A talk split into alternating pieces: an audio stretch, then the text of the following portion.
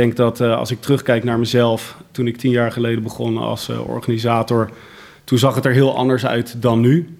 Uh, en helaas is dat in negatieve, een negatieve kant ontwikkeld. en dat heeft te maken met, met, met upgrades in veiligheid, begrotingen op het gebied van cultuur die worden gekort. Uh, maar ook gewoon de ruimte om evenementen te organiseren. Dus geluidsniveaus uh, voor evenementen gaan naar beneden, slots worden minder. Ik krijg gewoon het gevoel uh, dat in plaats van iets te organiseren, iets, iets leuks is voor de stad, een toevoeging, stad bruisen maken, beter maken. Dat we vaak worden gezien als een soort overlast. En dat we eigenlijk meer een soort last voor de bewoners en een last voor, de, uh, voor toeristen. En uh, voor, voor, voor iedereen zijn. En dat ja, haalt eigenlijk gewoon compleet het gevoel van we doen iets gezelligs, iets gaafs, iets moois voor de stad.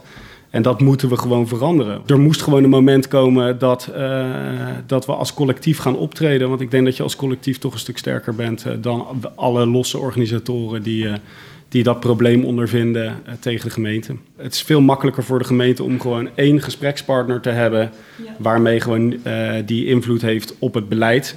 In plaats van dat wij allemaal los op de gemeente gaan.